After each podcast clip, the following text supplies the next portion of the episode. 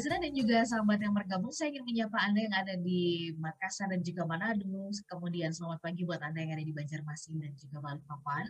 Begitupun Anda yang ada di Medan, Palembang, dan juga Pekanbaru. Kemudian Anda yang ada di Surabaya, Yogyakarta, Jakarta, dan kota-kota di sekitar Jakarta ya, Bogor, Bekasi, Cibubur ya. Eh, terus kemudian juga eh, kota-kota penyangga lainnya. Kami mengajak Anda pagi hari ini untuk berbagi soal jalan kaki. Minimal nih kalau uh, kayak di daerah-daerah tuh ya, uh, kalau di Surabaya itu pernah jalan kaki sampai atau di sekitaran tubuh uh, ini apa uh, ikan itu ya atau anda yang ada di Yogyakarta setidak-tidaknya pernah jalan kaki di seputaran Malioboro misalkan seperti itu ya atau kalau anda yang ada di Medan barangkali ya di, di Balikpapan itu uh, di mana sih anda pernah jalan kaki? Atau di Palembang ya dengan uh, jembatan Sungai Musinga jembatan Musinga yang yang uh, jembatan Ampera maksud saya yang uh, sangat terkenal itu. Minimal pernah tuh jalan kaki di sekitar situ. Silakan anda boleh sharing ya 0812 11 12 959 Pak Arfan kalau tadi Bapak sudah menjelaskan soal uh, ya ini hipokampus ya yang berpengaruh sekali gitu dari sisi uh, emosional. Apakah ada pelajaran-pelajaran lain yang kita bisa dapat dari berjalan kaki misalkan ke ke sesi ke apa ke elemen spiritualnya barangkali? Kalau menurut Pak Arfan, adakah pengaruhnya? Silakan dibagikan Pak Arfan. Iya, terima kasih Mbak Ola ya. Jadi uh, emosional, mental, spiritual, iya. Oke. Okay. Ya, ketika wow. kita jalan pagi itu kita membuka pikiran kita ya Ketika kita membuka pikiran kita itu, rahmat Tuhan itu akan kelihatan gitu. Jadi selama ini tuh rahmat Tuhan nggak kelihatan kenapa ya? Karena kita menutup, kitalah yang menutup pikiran kita, kitalah yang menutup mata kita gitu. Nah ketika kita jalan pagi, tidak ada agenda apa pun, mata kita bisa melihat kejauhan gitu ya, kita berada sangat dekat gitu dengan realitas kehidupan tuh sangat dekat gitu orang yang jalan jalan kaki itu kita berada hmm. sangat dekat dengan realitas kehidupan gitu kita bisa menyapa orang-orang yang ada di jalan, kita bisa menikmati pemandangan, menikmati taman yang indah gitu ya, yang sebelumnya nggak pernah kelihatan gitu, tapi kok sekarang jadinya kelihatan itu ya ada apa namanya taman yang indah ya yang yang kita lewati gitu. Jadi pikiran kita juga akan terbuka gitu. Kita merasa sangat dekat dengan kehidupan itu ketika kita jalan. Beda dengan uh, ketika kita berkendaraan itu beda sekali. Ada jarak antara kita dengan uh, kehidupan. Gitu. Ketika kita jalan tuh deket sekali gitu, kita bisa megang apa pun, bisa menyapa siapa pun, bisa jalan lewat mana pun, jalan-jalan yang tidak bisa kita lalui ketika kita membawa kendaraan gitu. Kita bisa lewat ke jalan ter tersebut gitu Mbak Ola. Jadi itu akan mendekatkan kita pada alam. Jadi back to nature gitu sebetulnya Mbak Ola. Dan itu akan membuka nanti pintu-pintu spiritual kita gitu. Tahu-tahu dapat ide, dapat ilham gitu ya. Ketika kita jalan pagi. Saya sudah membuktikan itu gitu. Selama empat bulan ini terus-menerus nih. Jadi bukan hanya pada waktu-waktu tertentu, tapi saya memang mengalokasikan waktu saya setengah enam pagi sampai setengah delapan itu jalan jalan pagi. Plus Jadi, dengan ketemu nanti bubur ayam gitu ya, plus nah, jangan mikirin itu dulu. Oh, okay. nah ini ini sering, sering kali sering kali rusaknya gara-gara itu nanti. Gara-gara itu ya, iya. nyari sarapan ya. Tapi iya. benar tadi yang uh, Pak Arfan uh, katakan ya dekat dengan realitas kehidupan. Nah ini yang yang uh, kita lihat atau kita saksikan, termasuk itu tadi ketika pagi-pagi orang berburu sarapan ya, uh, ternyata kita bisa lihat, oh gila ya ada ada uh, fakta lain di mana banyak saudara-saudara kita yang juga berjuang mencari rezekinya tuh dengan cara ya uh, membuka hari ya di tengah-tengah membuka hari dan itu ngebantuin banyak orang ternyata seperti itu ya Betul. karena tadi Bapak mengatakan soal realitas kehidupan. Nah, apakah kalau begitu uh, orang yang agak jarang jalan kaki ya ini akan sulit untuk uh, bisa menyadari tentang realitas kehidupan Pak Arfan? Ya tentu saja ada banyak cara ya Mbak Ola ya untuk menyadari realitas kehidupan tuh ada banyak cara gitu.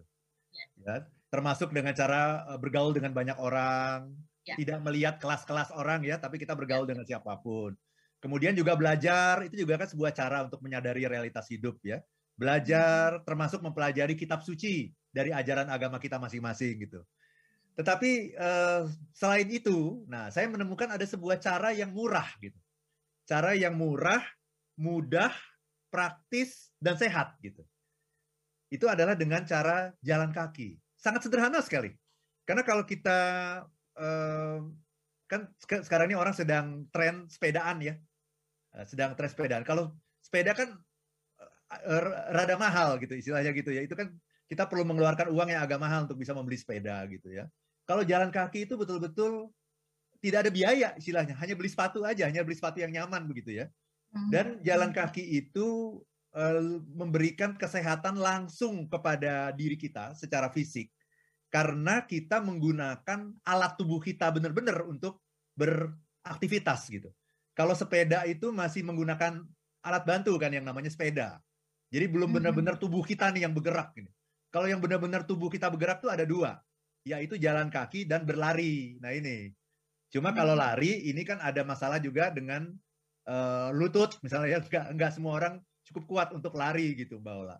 Tapi kalau hmm. jalan semua orang pasti kuat untuk jalan gitu.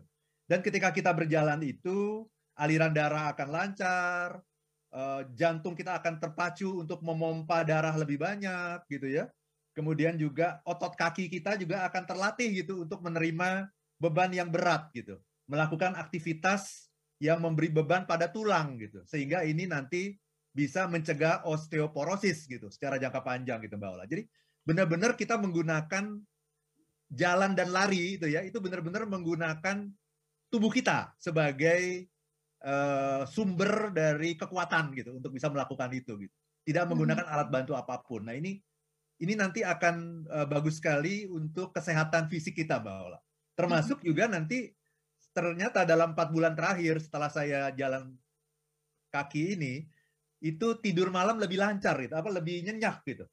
Hmm, Jadi kalau okay. biasanya tuh saya tidur malam jam 9, eh, jam 11 gitu, ini jam 9 tuh udah ngantuk rasanya gitu. Dan tidur benar-benar pulas, ketika bangun tidur itu benar-benar segar gitu, Mbak Ola. Kan sering kali orang bangun tidur capek gitu ya, bangun tidur capek gitu. Nah ini enggak, bangun tidur tuh bener-bener seger gitu Paula.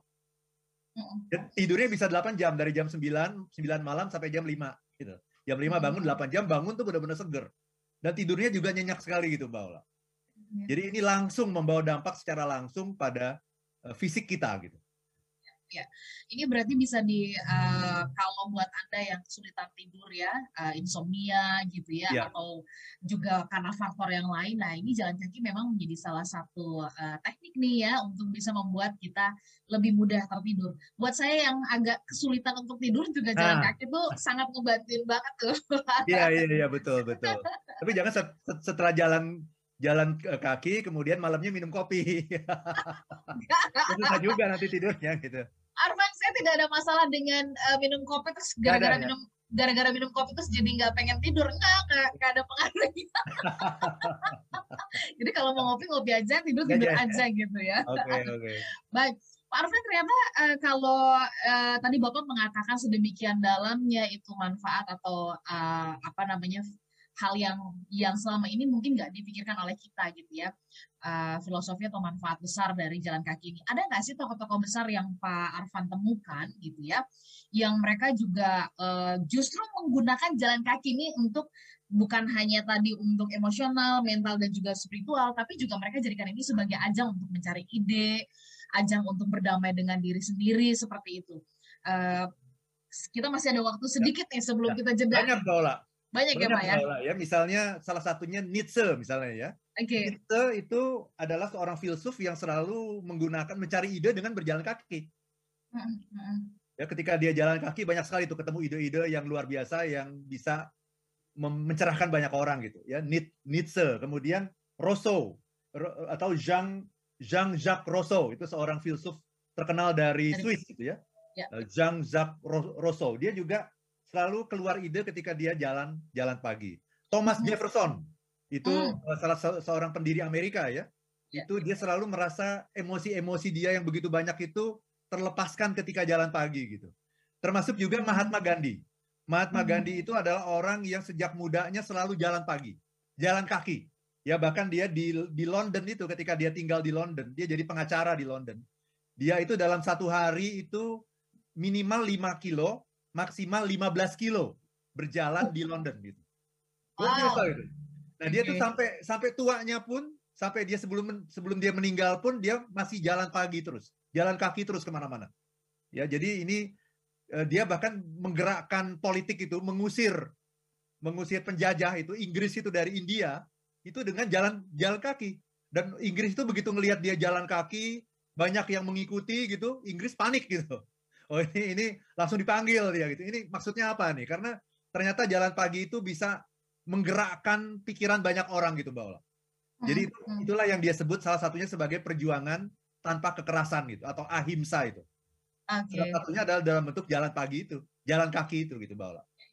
Ya, dan kalau kita ingat-ingat juga ya semua pejuang Indonesia eh, di zamannya ketika mereka berjuang itu juga menempuh perjalanan kaki ya Pak ya. Betul, betul. Misalkan eh, dari eh, apa ya dari satu kota ke kota lain gitu ya dari Ya. Jakarta sampai ke Jogja itu banget Betul. dulu mereka menempuh perjalanan masuk hutan. Eh, begitu pula dengan jenderal besar kita Sudirman ya itu Ya, Sudirman, Eh, walaupun ditandu ya. walaupun ditandu ya, tapi Ya. orang-orang itu itu jalan kaki. Baik, kita sambung nanti di sesi Siap, Mbak. berikutnya ya eh, mengenai eh, kedalaman dari filosofi jalan kaki ini. Kira-kira ada yang sudah berani ingin memutuskan hari ini atau besok mau jalan kaki? Soalnya silakan Anda boleh bagikan ya. Kami jadi sesaat untuk satu sesi yang terakhir.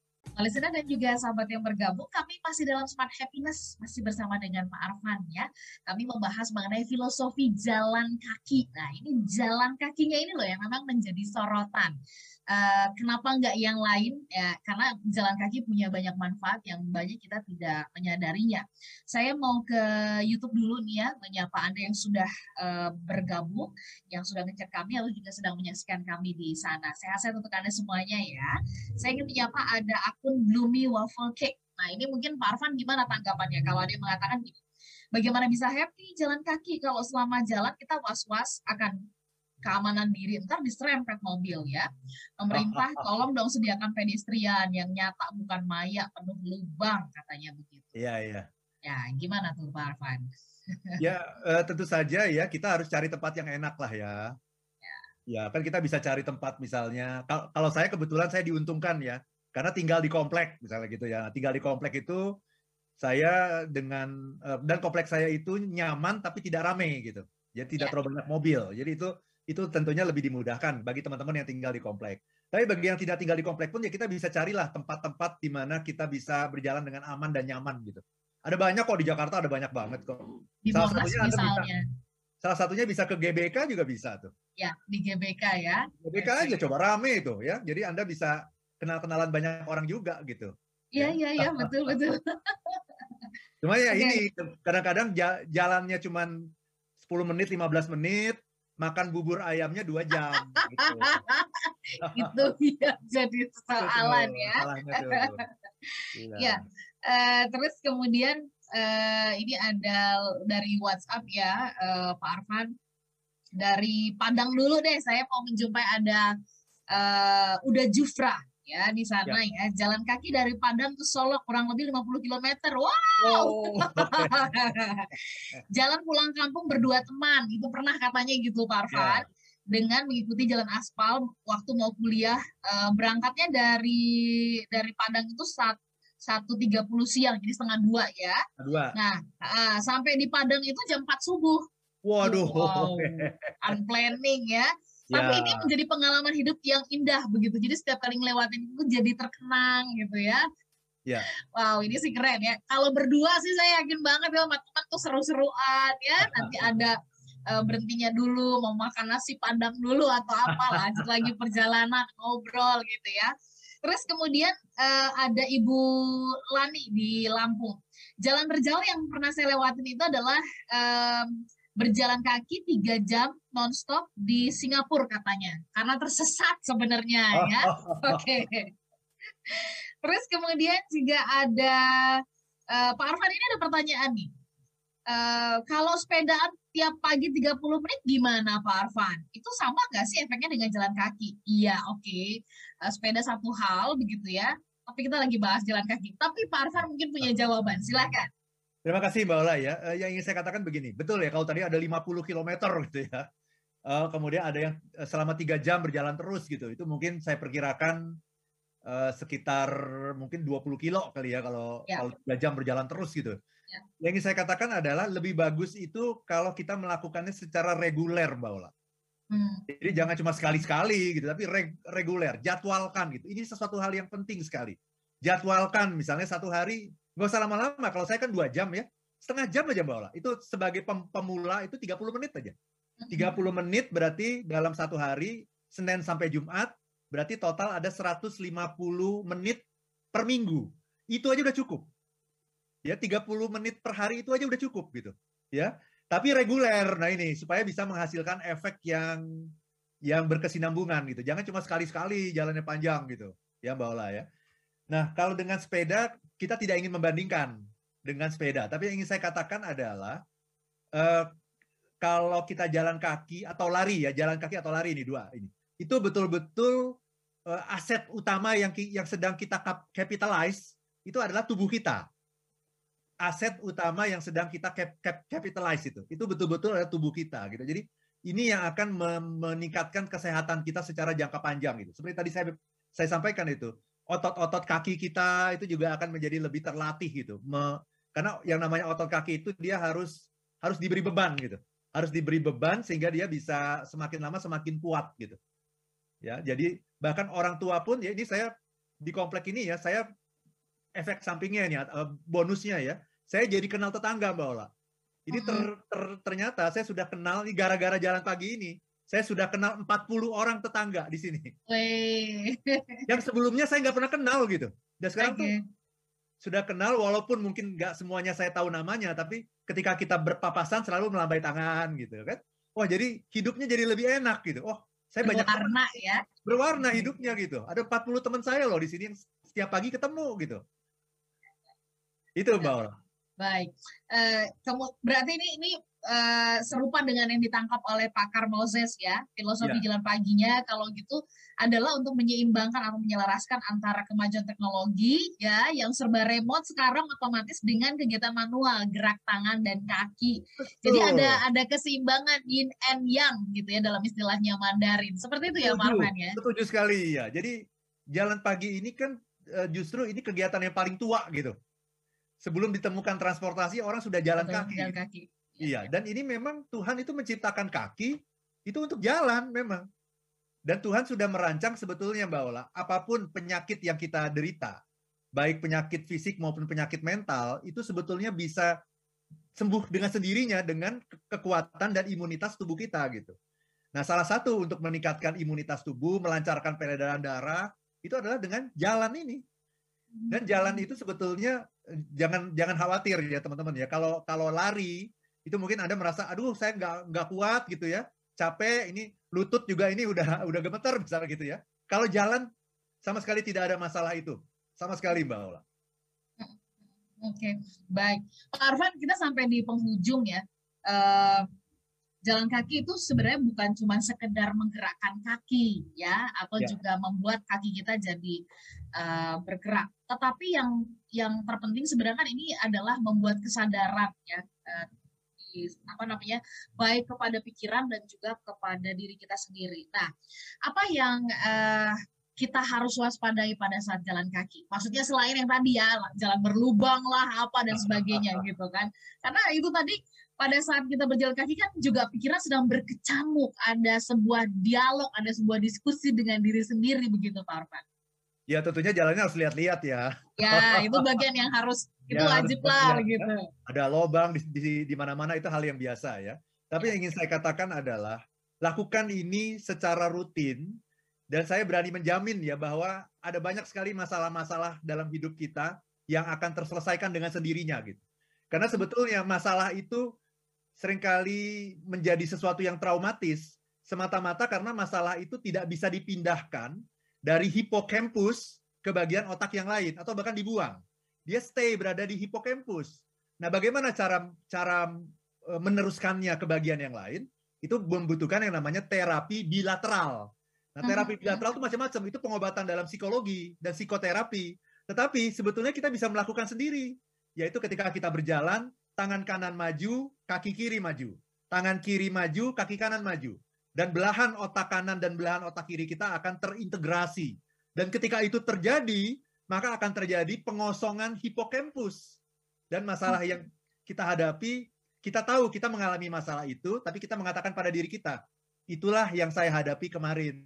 Dan itu sudah berlalu. Dan aku mendapatkan banyak pengalaman dan pembelajaran dari masalah itu.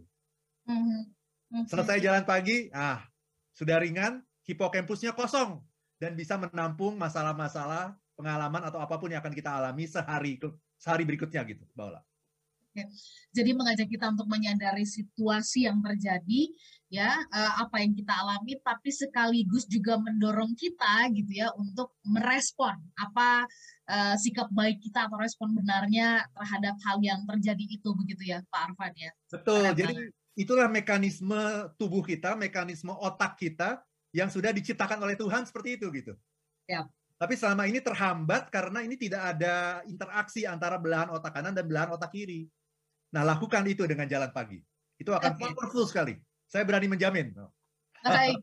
Soalnya sudah silahkan loh ya, mulai dari sekarang mungkin sudah mulai direncanakan jalan kaki Anda. Mulai pagi gitu ya, atau Anda mau pilih di waktu-waktu yang yang sore yang juga boleh, Mbak. Sore juga ya. boleh gitu boleh. ya. Boleh. Silahkan ya, eh, Anda bisa bisa mulai rencanakan karena ternyata di balik jalan kaki ini ada keindahan-keindahannya. Saya sendiri juga sudah membuktikannya ya bagaimana dengan Anda silahkan yang tadi sudah berbagi dengan kita juga sudah cerita tentang pengalaman terjauh dan apa yang dirasakan pada saat jalan kaki. Bagaimana dengan Anda? Selamat menuju akhir pekan. Nah, mudah-mudahan di akhir pekan ini Anda bisa jalan kaki ya. Sehat-sehat untuk Pak Arfan ya Pak. Kita ketemu lagi pekan depan. Smart Listener, rekaman ini tersimpan di YouTube di kanal Smart FM. Anda bisa menyaksikannya kembali di sana. Saya Lanur Lija. Dan saya Arfan Pradiansyah. If you wanna be, happy, be happy, be happy, happy now. Now.